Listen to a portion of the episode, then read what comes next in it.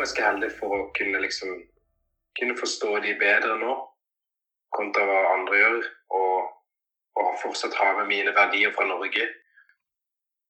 Erik er i Colombia og feirer sin første jul og nyttår med sin biologiske familie. Han har enda noen dager igjen i Cali før han setter seg på flyet tilbake til Norge.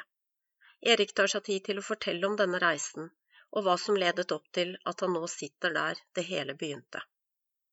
Fra trygg og god oppvekst i Kristiansand, sammen med mor, far og bror, søker Erik som voksen litt rundt sin egen bakgrunn.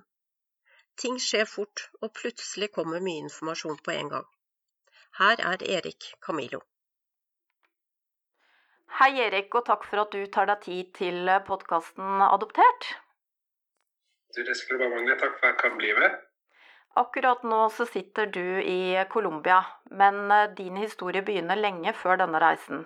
Hvordan begynte din eh, adopsjonshistorie, Erik? Min adopsjonshistorie begynte vel hovedsakelig når Det vel, det begynte vel når jeg følte meg ikke fra Norge. Um, når jeg gikk i barnehagen og, og så på familiemedlemmene mine eh, rundt meg. For det var jo bare meg og min bror som var på en måte de eneste som var annerledes på der vi kommer fra. da. Så, så jeg brukte sikkert mye tid på um, ja, se meg rundt og se hvorfor vi var de eneste som på en måte skilte oss ut da, for resten. Og etter hvert så, så kom vi i en samtale med pappa og mamma når vi var kanskje rundt så jeg var rundt kanskje fire-fem år, kanskje. Og min bror var ja, da må jeg ha vært 89, eh, siden han er fire år eldre enn meg. Og Da husker jeg de fortalte oss når vi var samla, at, eh, at, vi var adoptert og vi kom fra et annet land som heter Colombia. Eh, så det begynte derifra. Og så, og så har det vært en, en lang reise, holdt jeg på si, siden egentlig. Helt frem til nå. Og det, det er jo da nesten ja, det er jo mange 22-23 år seinere igjen, så, så reisen er ikke ferdig ennå, holdt jeg på å si. Den har jo nettopp, føler jeg, også begynt. Jeg har sett noen bilder av deg når du var liten. Erik, du var, du var ganske liten når du kom til Norge? Ja, jeg var, jeg ble adoptert når jeg var seks måneder gammel. Og før det hadde du vært på barnehjem eller hos fosterforeldre? Ja, da har jeg fått liksom forklart det er ganske greit nå at um, ettersom jeg har vært her i Colombia litt, uh, da har biologiske mor fortalte meg både denne gangen og sist gang jeg var her, om liksom hos sin historie og, og hvordan det var. Og så har jeg sett bilder også selvfølgelig om uh, ja, tida eh, før jeg ble adoptert. Altså da, da viser det seg at jeg har på vært på et barnehjem eh, frem til jeg da skulle bli henta til Norge, da. Så var en bitte liten gutt på seks måneder, holdt jeg på å si. Eh, der vi fikk litt informasjon om at jeg hadde en fostermor også der. Jeg har et bilde med henne. Ehm, så jeg har prøvd å se faktisk etter både eh, litt etter henne, men det er litt vanskelig når man ikke har så mye å gå etter her nede. Du sier du har en eh, fire år eldre bror. Er han fra Colombia, han også? Ja, det stemmer. Han er fra litt ut forbi der jeg er fra. Jeg er jo fra noe som heter eh, ja, Cali, en storby i Colombia. Eh, mens han er fra et sted som heter Buga, så det ligger litt lenger vekk igjen. Dere som brødre, Erik, har dere begge vært interessert i eh, biologisk opprinnelse og Colombia generelt? Eh, jeg tror ikke det var før uh, det var egentlig, Jeg føler mest har starta i prosessen med det. Fordi at um, jeg ble ikke ordentlig nysgjerrig på Alltid vært, alltid vært på en måte holdt på å si, glad i Colombia. og når vi satt og spilte sammen uh, Fifa tilbake til, ja, tilbake til 2000-tallet, så, eh, så var jeg Colombia, Hamar, Norge, og vi switcha på det. Men, men, det var ikke før i, da jeg var rundt 23-24 år, tror jeg, hvor jeg virkelig fikk øyne for at jeg ønska å finne mer informasjon om biologisk familie. Mens min bror har nok ikke hatt samme eh, tankene eh, før jeg egentlig har kommet i gang med prosessen og, og da har besøkt familien min her. Eh, Men jeg tror likevel ikke at han har den samme interessen kanskje som jeg har i forhold til det. Hva slags forhold har du og broren din? Eh, vi har ganske godt forhold. Eh, vi liker å finne på ting sammen, sånn som å ja, egentlig spille fotball og gå på kino. og eh, oss sånn videre til hverandre. Eh, og vi, har jo, vi pleier egentlig nesten en gang i uka i hvert fall å møtes på søndagene og spise middag sammen med familien vår. Eh, så det Vi har ganske godt forhold til hverandre. Snakker sammen om Ja, jeg vil jo si at vi kan snakke om det meste sammen. Jeg tror ikke alltid Jeg tror ikke alltid vi klarer å jeg, ikke, jeg føler ikke vi klarer alltid å si de dypeste dypeste tingene, men uh, vi er veldig close. og jeg, jeg, tror vi begge egentlig ønsker, men, men det kan være litt, litt uh, vanskelig. Det, ja, det er jo litt sånn Gutter har jo litt mer vanskeligheter med å snakke om følelser enn det kanskje jenter generelt har. Så det ligger kanskje noe i det, da. Du sier du var i begynnelsen av 20-årene når eh, interessen for Colombia virkelig ble vekket. Hadde du mye opplysninger å gå etter den gangen?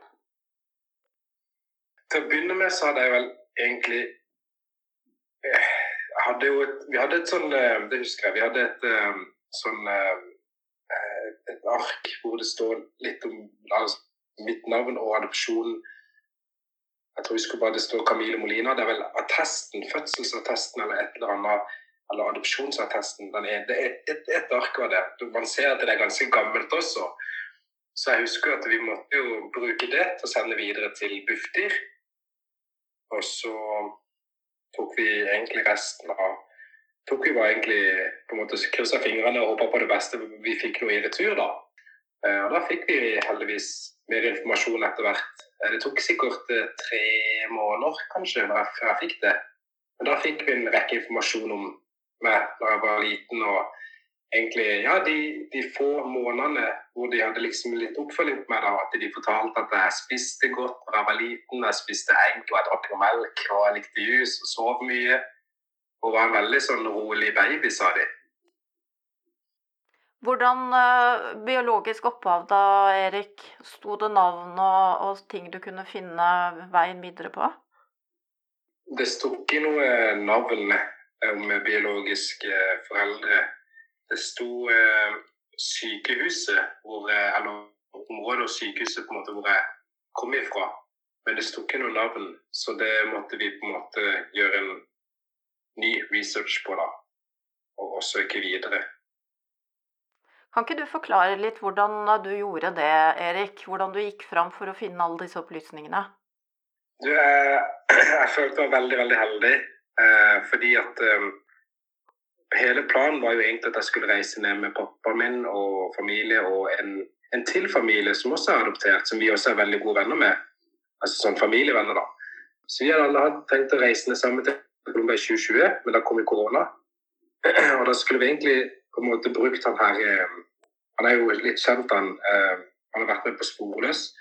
Han heter, eh, han, heter han for noe? Han heter Arturo Sierra. Så han skulle på en måte vi bruke for å finne litt mer informasjon. Men så kom korona, så ble alle planene helt endra, og vi Ja, det ble ikke noe tur, men så fikk jeg en ny mulighet litt seinere.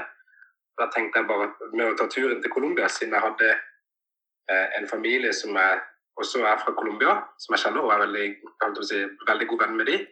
Og De fortalte meg at de skulle til Colombia en tur, og da tenkte jeg jeg må bare gripe sjansen til å bli med nå. Litt spontant, men eh, det var veldig, jeg er jo litt spontan av meg. Så, eh, og da, på forhånd, før vi reiste, så fortalte de meg at eh, de sin bestefar hadde tidligere jobba i folkeregisteret i Colombia. Så det var jo veldig flaks for min del, fordi da hadde han muligheten å har kontakter eh, da han jobba egentlig i Bogotá, men han hadde jo kollegaer som også jobba i Cali. Og da så fikk han Da sendte jeg bare de papirene som jeg hadde fått fra Bufdir. De sendte til han, og så sendte han de videre til kollegaen, eller gamle kollegaene hans sine. Og så klarte de å finne fram disse papirene som gjorde til at vi fant min biologiske mor. da. Så da fikk jeg tilsendt eh, eh, bilde og informasjon om henne. Iallfall lite grann, ikke så mye, men lite grann, om at hun var, hun var 17 år da hun fikk meg. Så fikk vi se bilde av henne. Altså, det var jo litt surrealistisk, fordi altså, sånn, Vi ligner ikke veldig mye, men eh, noen påstår at vi har litt samme nese. Men, men det var litt sånn uvirkelig eh, å, å, se min biologiske mor for første gang på et bilde.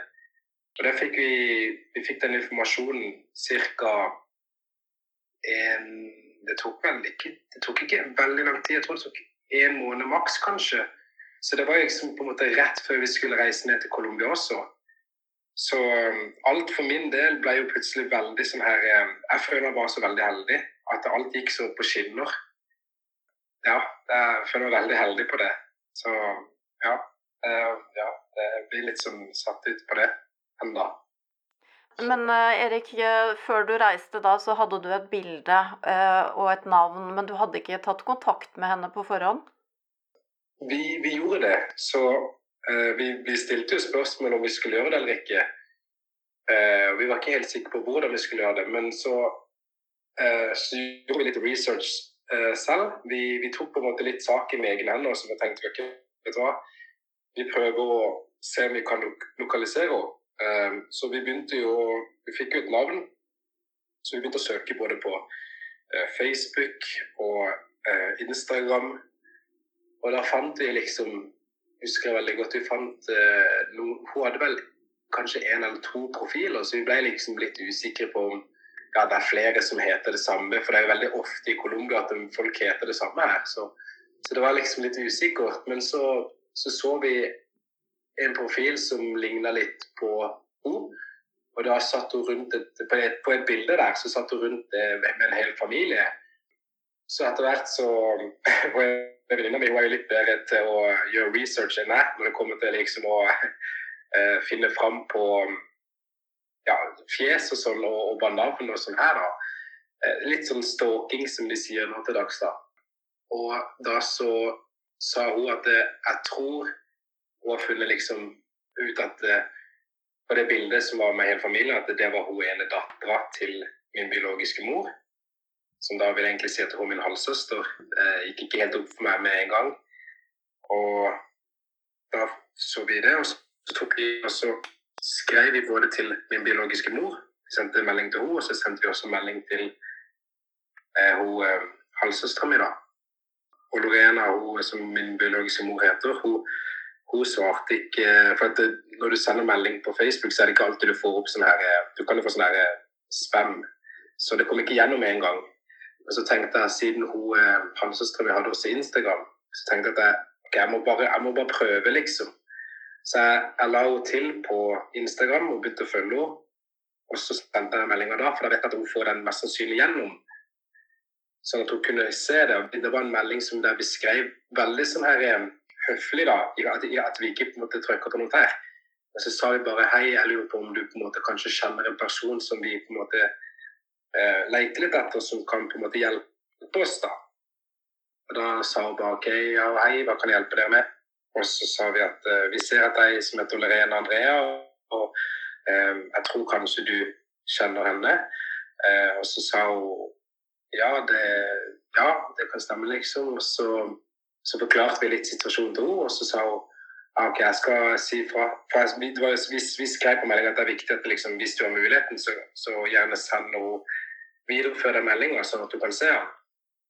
Og så gjorde hun det. Og så sa hun til slutt også at altså, altså, Lorena hun er hos sin mor. da, og Da fikk jeg liksom litt bekreftet at uh, vi har kommet til litt riktige personer. Og så, um, så svarte Lorena oss etter å ha fått beskjed av dattera si. Og så tok kontakt med oss og skrev tilbake igjen. og Da husker jeg klokka var sikkert klokka tolv hjemme i Norge. Jeg skulle bli opp klokka åtte dagen etter, men så var det sånn så begynte vi å skrive litt. Hun bare spurte, så spurte Lorena meg eh, Åsta, hva kan, hva kan jeg hjelpe dere med? Og da måtte, liksom, da måtte vi bare forklare mer og mer faktisk den ordentlige hendelsen, da, hva liksom, situasjonen var. Og så spurte vi om ikke hun kunne tenke seg å facetime. Og så gjorde vi det klokka ett på natta. Og så, så måtte vi bare stille litt sånn her eh, sikkerhetsspørsmål, da. om eh, når hennes bursdag var, og hva sitt navn var. Og ja, de, de eh, punktene som på en måte bekrefta i attesten at det var hun som hadde på en måte registrert meg, altså hos min biologiske mor. Og så viser det seg at alle, alle disse tingene stemte, da. Og da, da, ble jeg litt satt ut når, eh, når de gjorde det, da. Og da fikk jeg egentlig vite at det her var min biologiske mor. Så det var litt av et uh, Vi satt jo på FaceTime til klokka tre på natta, da, husker jeg. Fordi jeg, jeg var altfor spent til å kunne sove. Hvordan reagerte din biologiske mor? Hun, hun har fortalt litt i ettertid. Jeg kan fortelle hvordan jeg opplevde det først, og så kan jeg fortelle hvordan hun, eller hvordan hun tenkte og har sagt i ettertid da, hvordan det var. Når jeg så når jeg så henne på FaceTime, så husker jeg hun var veldig på en måte, hun var veldig sånn eh, hva skal man si, litt sånn, Ikke plain, men litt sånn, hun hadde ikke noe veldig sånn ansiktsuttrykk. da. Og så var veldig seriøs. Så tenkte jeg ikke det er for så vidt fair enough, for at vi har jo på en måte gått inn i hos sitt litt personlige liv. da. Så når vi forklarte etter hvert at jeg er adoptert, og at um, om det kanskje kunne stemme at det var hun som hadde, ja, var min biologiske mor, så sa hun først litt at uh, Eller da sa hun at uh, hun var litt forvirra. Og det skjønner jeg jo veldig godt. Vi kommer jo 27-28 år senere inn i livet sitt og, og åpner en bok som hun har lukka igjen for mange år siden. Så jeg skjønner veldig godt at hun var litt forvirra. Men etter hvert så husker jeg hun begynte å grine, da. Så da følte jeg litt sånn OK, hun har faktisk Eller det her må jo være min biologiske mor, og hun, og hun husker jo mest sannsynlig tilbake likevel. For at det, først til å begynne med så sa hun at hun var veldig forvirra. Klarte ikke huske Det var veldig sånn eh, blurry, sier hun. Litt sånn Klarer ikke huske helt eh, til å begynne med. Men ettersom etter samtalen gikk litt, så begynte hun å grine. Og ja, da forklarte hun litt mer at hun liksom har Hun hadde aldri trodd at denne dagen skulle komme hvor at liksom hun Ja, for hun trodde aldri hun kom til å se meg igjen, egentlig. Hun visste ikke hvor jeg var hen i verden. Så hun hadde aldri trodd at det skulle skje. Så hun sa jo at hun har bedt til Gud om, om at jeg bare at jeg skal ha det fint hvor enn jeg er hen i verden. Og så tror jeg på en måte det har bare forsvunnet litt etter hvert. Mens eh, når vi har kommet tilbake til Colombia og hørt eh, historien for første gang fra hos sin side, så var det jo på en måte selvfølgelig Det ligger veldig mye bak det. Sånn som det at uh, hun var jo 16 år når hun ble gravid, og så 17 når hun fikk meg. Siden hun var bursdag tidlig nå. Hun har faktisk bursdag i dag. så, så hun var 17 da hun fikk meg, og så var det egentlig bare si, eh, Forklarte hun egentlig hvordan hele situasjonen var. Det var, var ganske, Hun har hatt et ganske tøft liv, så jeg har fått, eh, vi har fått høre et ganske sånn sterk historie da, som jeg egentlig også egentlig ønsker å på en måte dele. for at ja, jeg kan, jeg, jeg kan, si det, vi kan ta det senere for så vidt, men, men poenget er at i hvert fall hun, hun eh, hun ble veldig overraska. Og hun sa det at med en gang hun hørte at det var noen som så etter oss Hos sin historien så sier hun at hun var så spent og bare tenkte oi shit, er det skjer det her nå? liksom, Kan det være, kan det være han eh, som, som spør etter meg? Så, men hun tok seg jo veldig, hun drev og skalv da, den, den, dagen, men, men hun virka veldig seriøs når vi prata om henne for første gang. Men uh, hun, hun sier det bare om og om igjen. og og takker bare Gud for at alt det hun har gått gjennom, så endelig får hun tilbake igjen. Med, og da, Det er veldig fint å høre fra meg. Eh, men at hun sier at hun takker Gud for at eh, etter all den bønnen hun har bedt om, at eh, endelig så får hun noe igjen for det. da. Og det er utrolig sterkt å høre på. Visste din halvsøster om deg, Erik? Nei, det var det er kun to, to, andre mennesker som visste om meg, og det var begge tantene til min biologiske mor. Hun hadde to tanter, for eh, min biologiske mor hadde ikke så mye sånn, hun var ikke så mye hos sine foreldre selv. Hun var mer hos tantene sine. Og hun, er, hun, beskriver på en måte den ene tanta som veldig god, og den andre tanta som ikke så god. Uh, så hun ville jo egentlig ikke gi fra seg meg heller. Mens det var på en måte Ja, det var egentlig eh, tantene som tok, eller hun ene tanta som tok litt beslutninger, da. Så, så hun hadde ikke sagt det til noen. Hun, ingen visste om meg, bortsett fra de, da.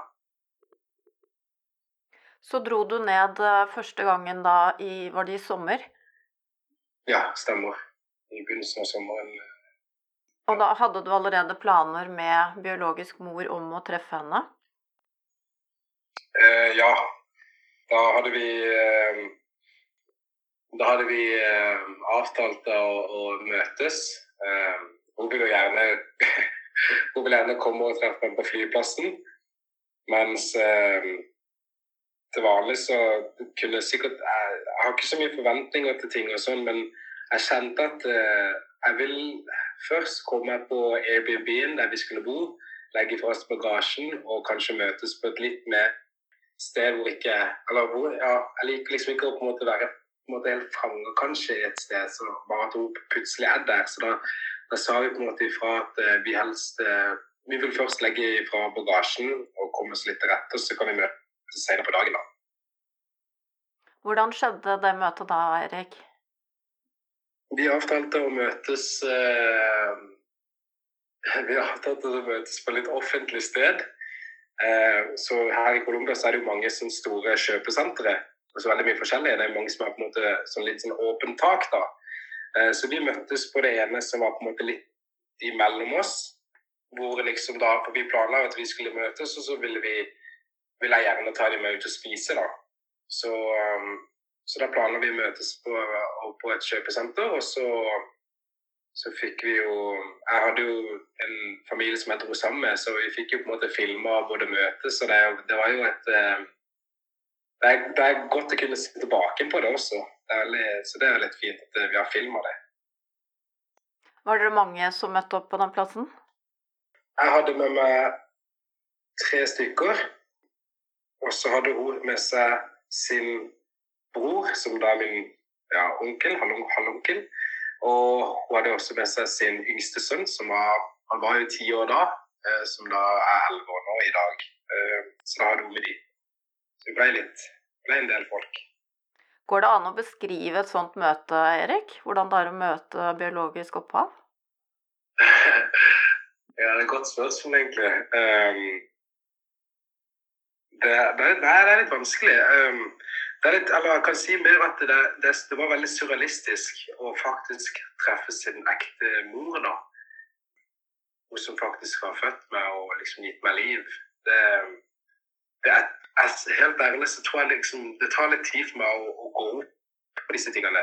Um, så, så det er vanskelig å sette noen beskrivelse på det, men, men, men, hele møtet var jo bare fint. Det, jeg var veldig um, Som jeg sa tidligere, så jeg har ikke så mye forventninger til ting. Så, så, men, men, at den, det møtet gjorde jo at uh, det er noe jeg aldri kom til å glemme. Det. Det, det var veldig, veldig fint å, å treffe henne og de andre for første gang. Det er litt ubeskrivelig, kan jeg si.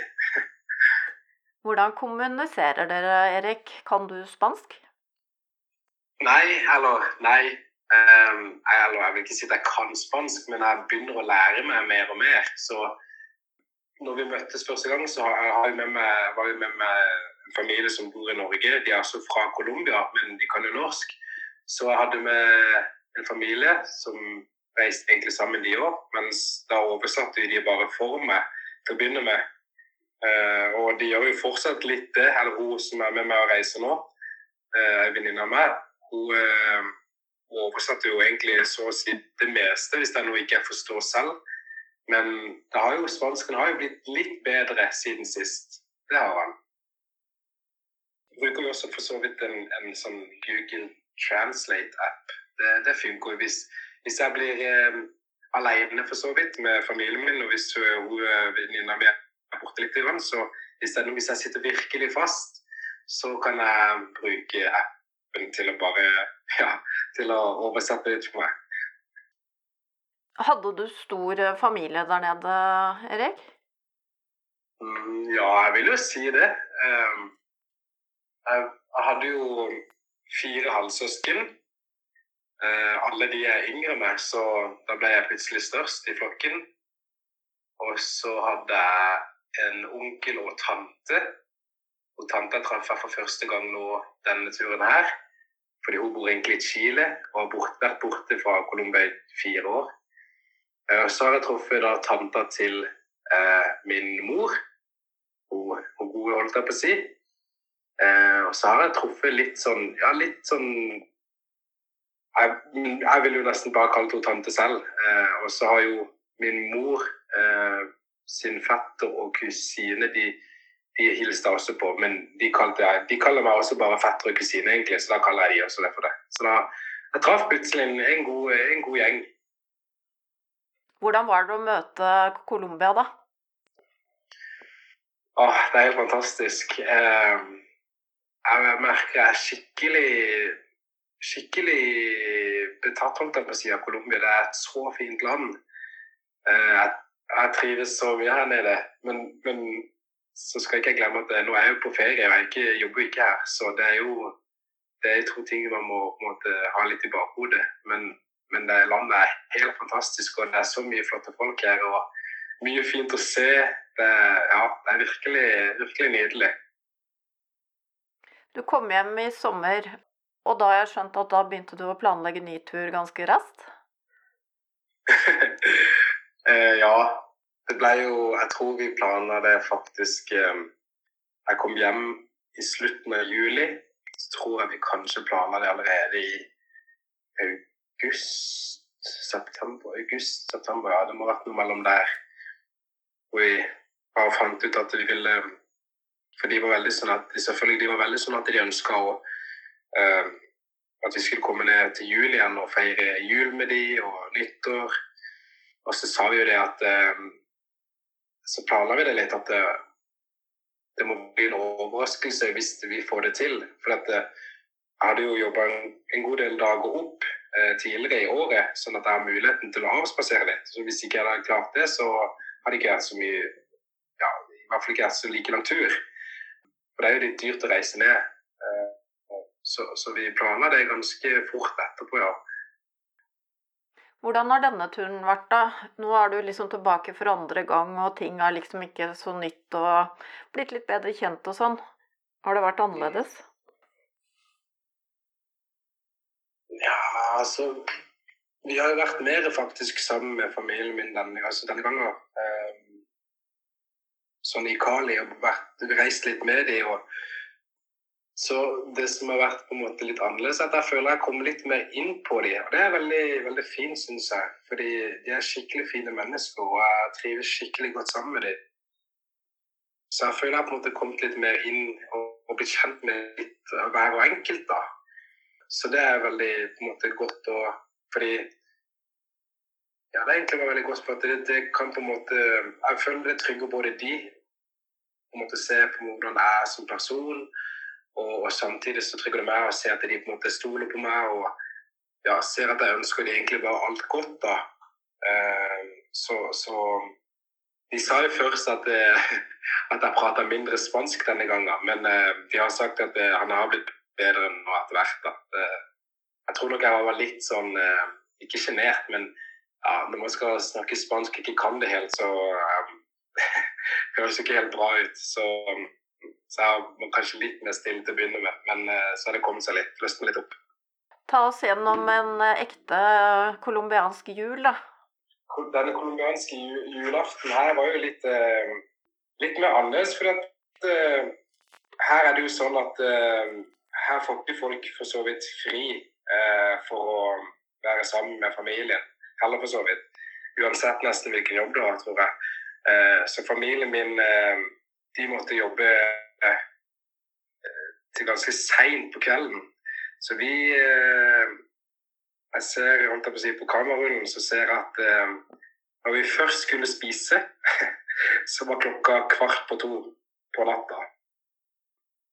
Så vi venta jo på en måte på at alle skulle komme. Alle som Jeg tror vi var Vi var egentlig alle mann, eh, måtte jeg på å si. Eh, og da Kvart på to så kunne vi endelig begynne å spise, for da hadde alle rukket å komme fram til, eh, fram til leiligheten der vi eh, hadde, leide da, på Airbnb-en. Og så var det så var det jo litt pakker vi hadde kjøpt til de. Eh, egentlig til alle sammen. Hadde i hvert fall én gave til alle. Så da begynte vi å åpne det klokka tre på natta. Eh, og så etter hvert så vi er jo veldig glad i musikk og dansing, så de er jo eh, det ikke like, Jeg tror nok ikke det var like mye dans denne gangen, eh, for så vidt. For vi er jo ikke, er jo ikke vant til å feire julaften klokka tre på natta. Så eh, vi fikk, eh, vi fikk vitne liksom litt forskjellige ting. Hun ene tanta mi var plutselig blitt gravid, så det var en overraskelse til kjæresten sin. Og, så det ble mange fine øyeblikk på julaften. Og noen gikk og bada i boblebadet som eh, vi hadde der. Og så ja, så ble det litt eh, god stemning også, men det ble litt tidlig kveld med kontra hva de andre, de andre holdt på. Alle skulle plutselig sove over hos oss også, så da var vi plutselig ja, kanskje ti stykker som skulle sove hos oss, så vi hadde egentlig regna med maks eh, to. Så det, det, var jo litt uh, interessant. Hvordan er en colombiansk julemiddag? Den består av De hadde laga nå vet jeg ikke om det er veldig tradisjonelt eller ei, men de hadde nok de laga en type potetsalat. Den var utrolig god. Eh, så hadde de jeg tror det var tre forskjellige kjøttstykker med litt forskjellig kjøtt. De hadde marinert noe barbecue på en, og så hadde de en, en type juleskinke, tror jeg da. Og så var det noe annet med gris, husker jeg. Det var og så hadde de også laga litt forskjellig dessert. Eh, som på en måte man kunne spise litt før maten, siden det var jo så seint. Så da gikk han ene, han onkelen min rundt med en type en veldig god dessert. Jeg, jeg, jeg, jeg, visste, jeg vet ikke hva som var eh, innholdet i den, men det smakte veldig godt. Og så fikk du en kjeks på sida og skulle ha det. Og vi tok jo med kakevenner fra Norge, sånn at de kunne prøve det. Det ja, litt, litt forskjellige colombianske ting. Noe som heter arequipe. Eh, sånn type jeg syns Jeg skal ikke si for alle hva det smaker, men personlig selv så jeg syns jeg smakte kanskje litt sånn en, en liten konsistens av prim. Men, men det, det, er meg, da. Men det, mange spiser det her i hvert fall. Og så Ja, hva mer var det egentlig? Det var det ost på bordet. og Ja, det var en god del forskjellige ting, altså. Det er mye, mye kjøtt i hvert fall. Det var det. Du har jo vokst opp med din eh, familie i Norge. Eh, hvordan er det å få en hel ny familie i voksen alder? Nei, det er veldig spesielt. Det er jo ikke Jeg har aldri på en måte hatt sånn egentlig noe ønske om å på en måte egentlig få en ny familie. fordi at eh, ja, Litt sånn som jeg egentlig alltid har sagt, så har alltid liksom Familien min i Norge er den familien jeg vokste opp med, og den jeg på en måte elsker. og ja, så, så, det litt eh, Det ble litt sånn surrealistisk å plutselig få seg en, en helt ny, stor familie også. Men jeg, jeg, jeg, kan ikke på noen måte klage over det. Det er jo, måte, det det er jo det fin, noe av det fineste jeg har opplevd. Så det er bare positivt fra min side. Og det føler jeg også de opplever hjemme i Norge også, at eh, de er veldig støttende med at jeg har blitt så godt tatt imot. Eh, fordi ja, hadde pappa min selvfølgelig ikke sett at jeg hadde vært så interessert i å bli mer kjent med dem, så, så, hadde han også på en måte sett at eh, ja, Han hadde skjønt at det, disse folkene har jo tatt Erik skikkelig godt imot og med kun kjærlighet. Så det er det jeg også ser selv, at uh, de har veldig mye kjærlighet å gi. Veldig mye. Så det er bare positivt å kunne Jeg syns det er bare fint å kunne få en faktisk en ny familie som også er med blodet ditt, da, for så vidt. Det er jo noe spesielt med det. Har du hatt noen tanker om hvordan livet ditt ville vært hvis du skulle hatt vokst opp i Colombia? Ja, jeg har tenkt eh, egentlig ganske ofte på det, i hvert fall før i tida. Eh, hvor eh, jeg tror det hadde vært noe, det hadde vært noe helt annet nå. Spesielt etter jeg har hørt liksom, historien til min biologiske mor. Så har jeg skjønt at de, de har ikke hatt det lett. Eh, men til å begynne med, når hun kun var 17, så er jeg jo litt redd for at hvis hun ikke kunne ha beholdt meg uansett der og da, så hadde jeg jo nok Jeg er litt, jeg er litt redd for liksom sånn Etter jeg har vært og sett selv nå og i Jeg har vært på et barnehjem, og vi var utenfor, vi ville egentlig komme inn og se.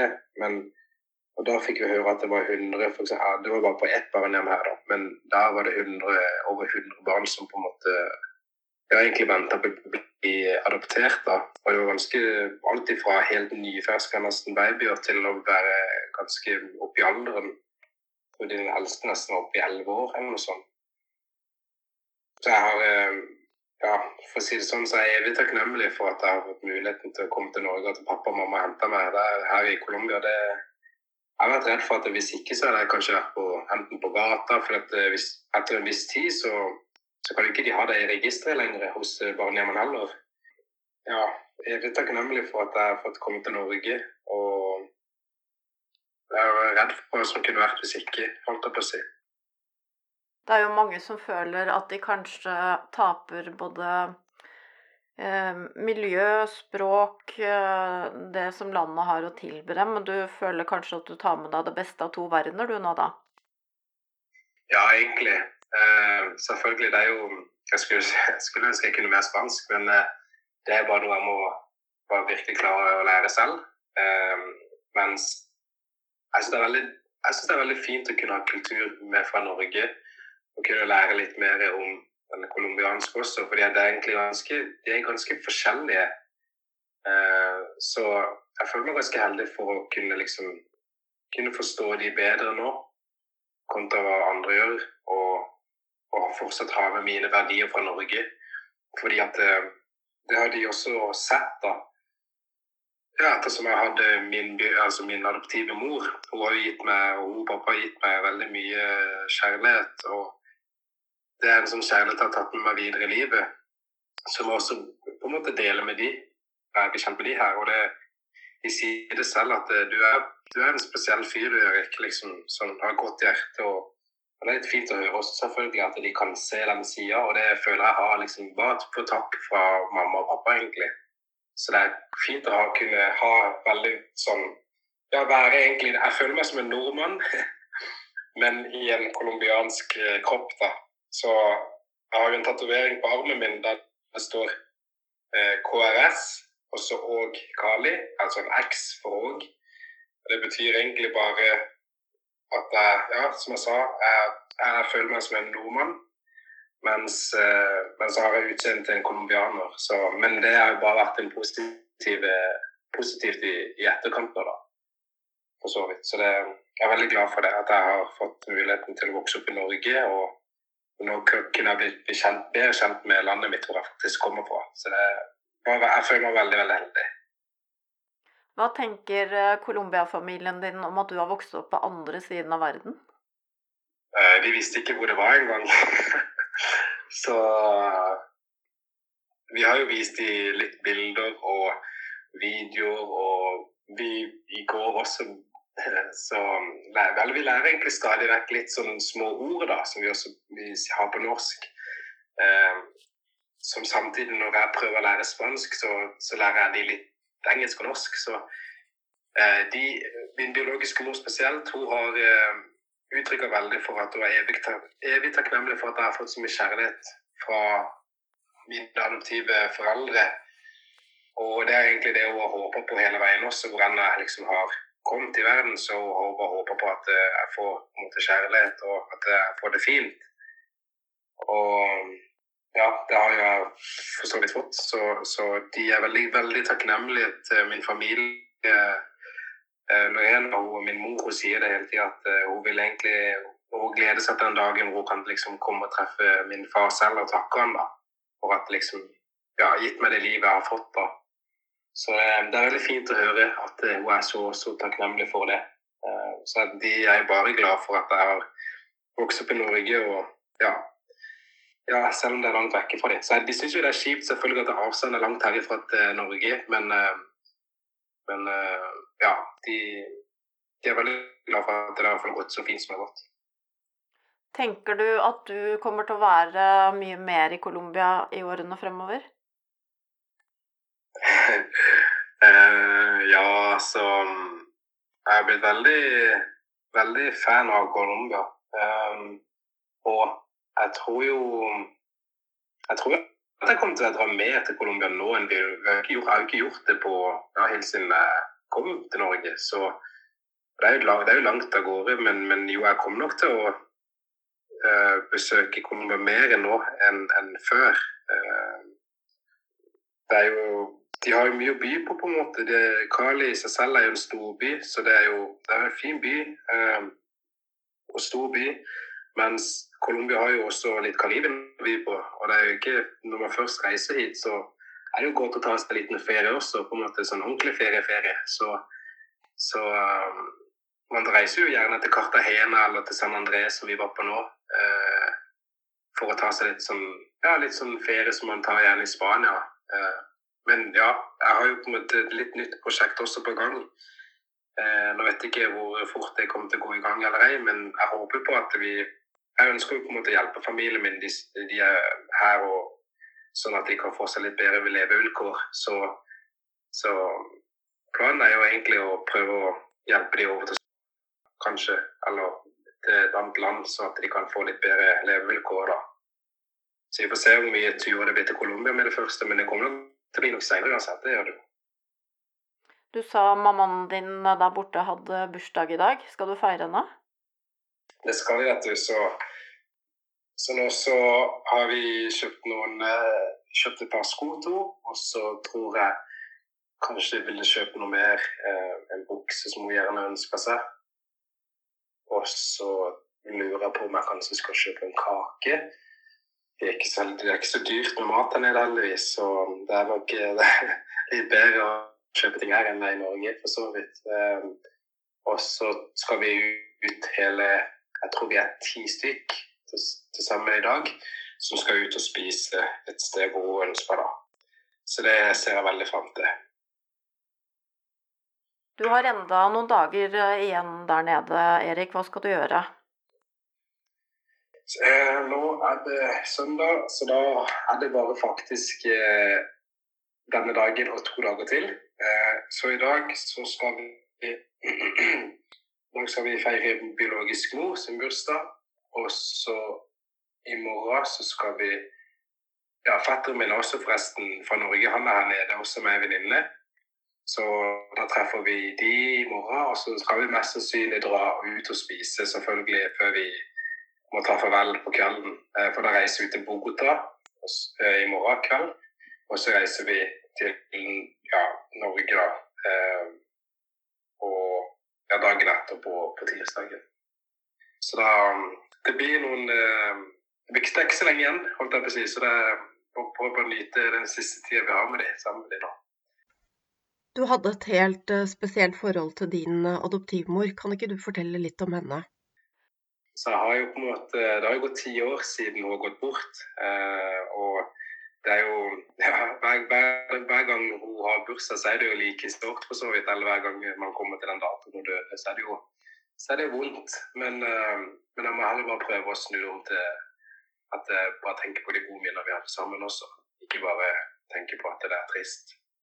Eh, mamma, min mamma i Norge, hun eh, jeg har aldri kjent på en større kjærlighet enn jeg gjorde med henne.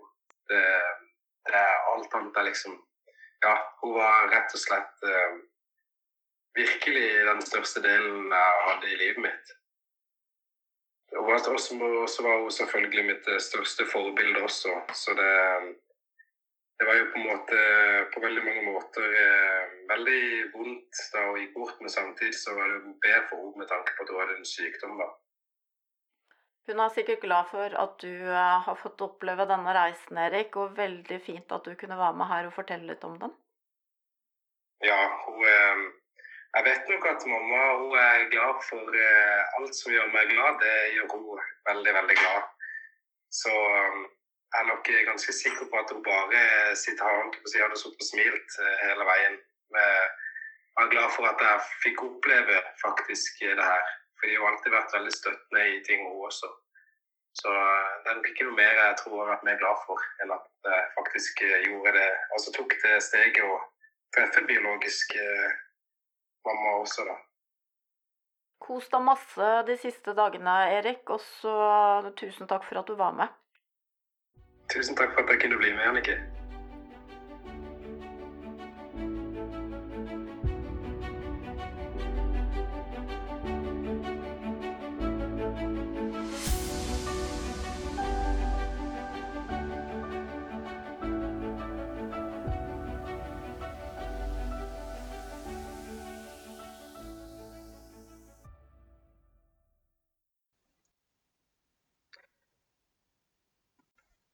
Du hadde et helt eh, spesielt forhold til din eh, adoptivmor. Kan ikke du fortelle litt om henne?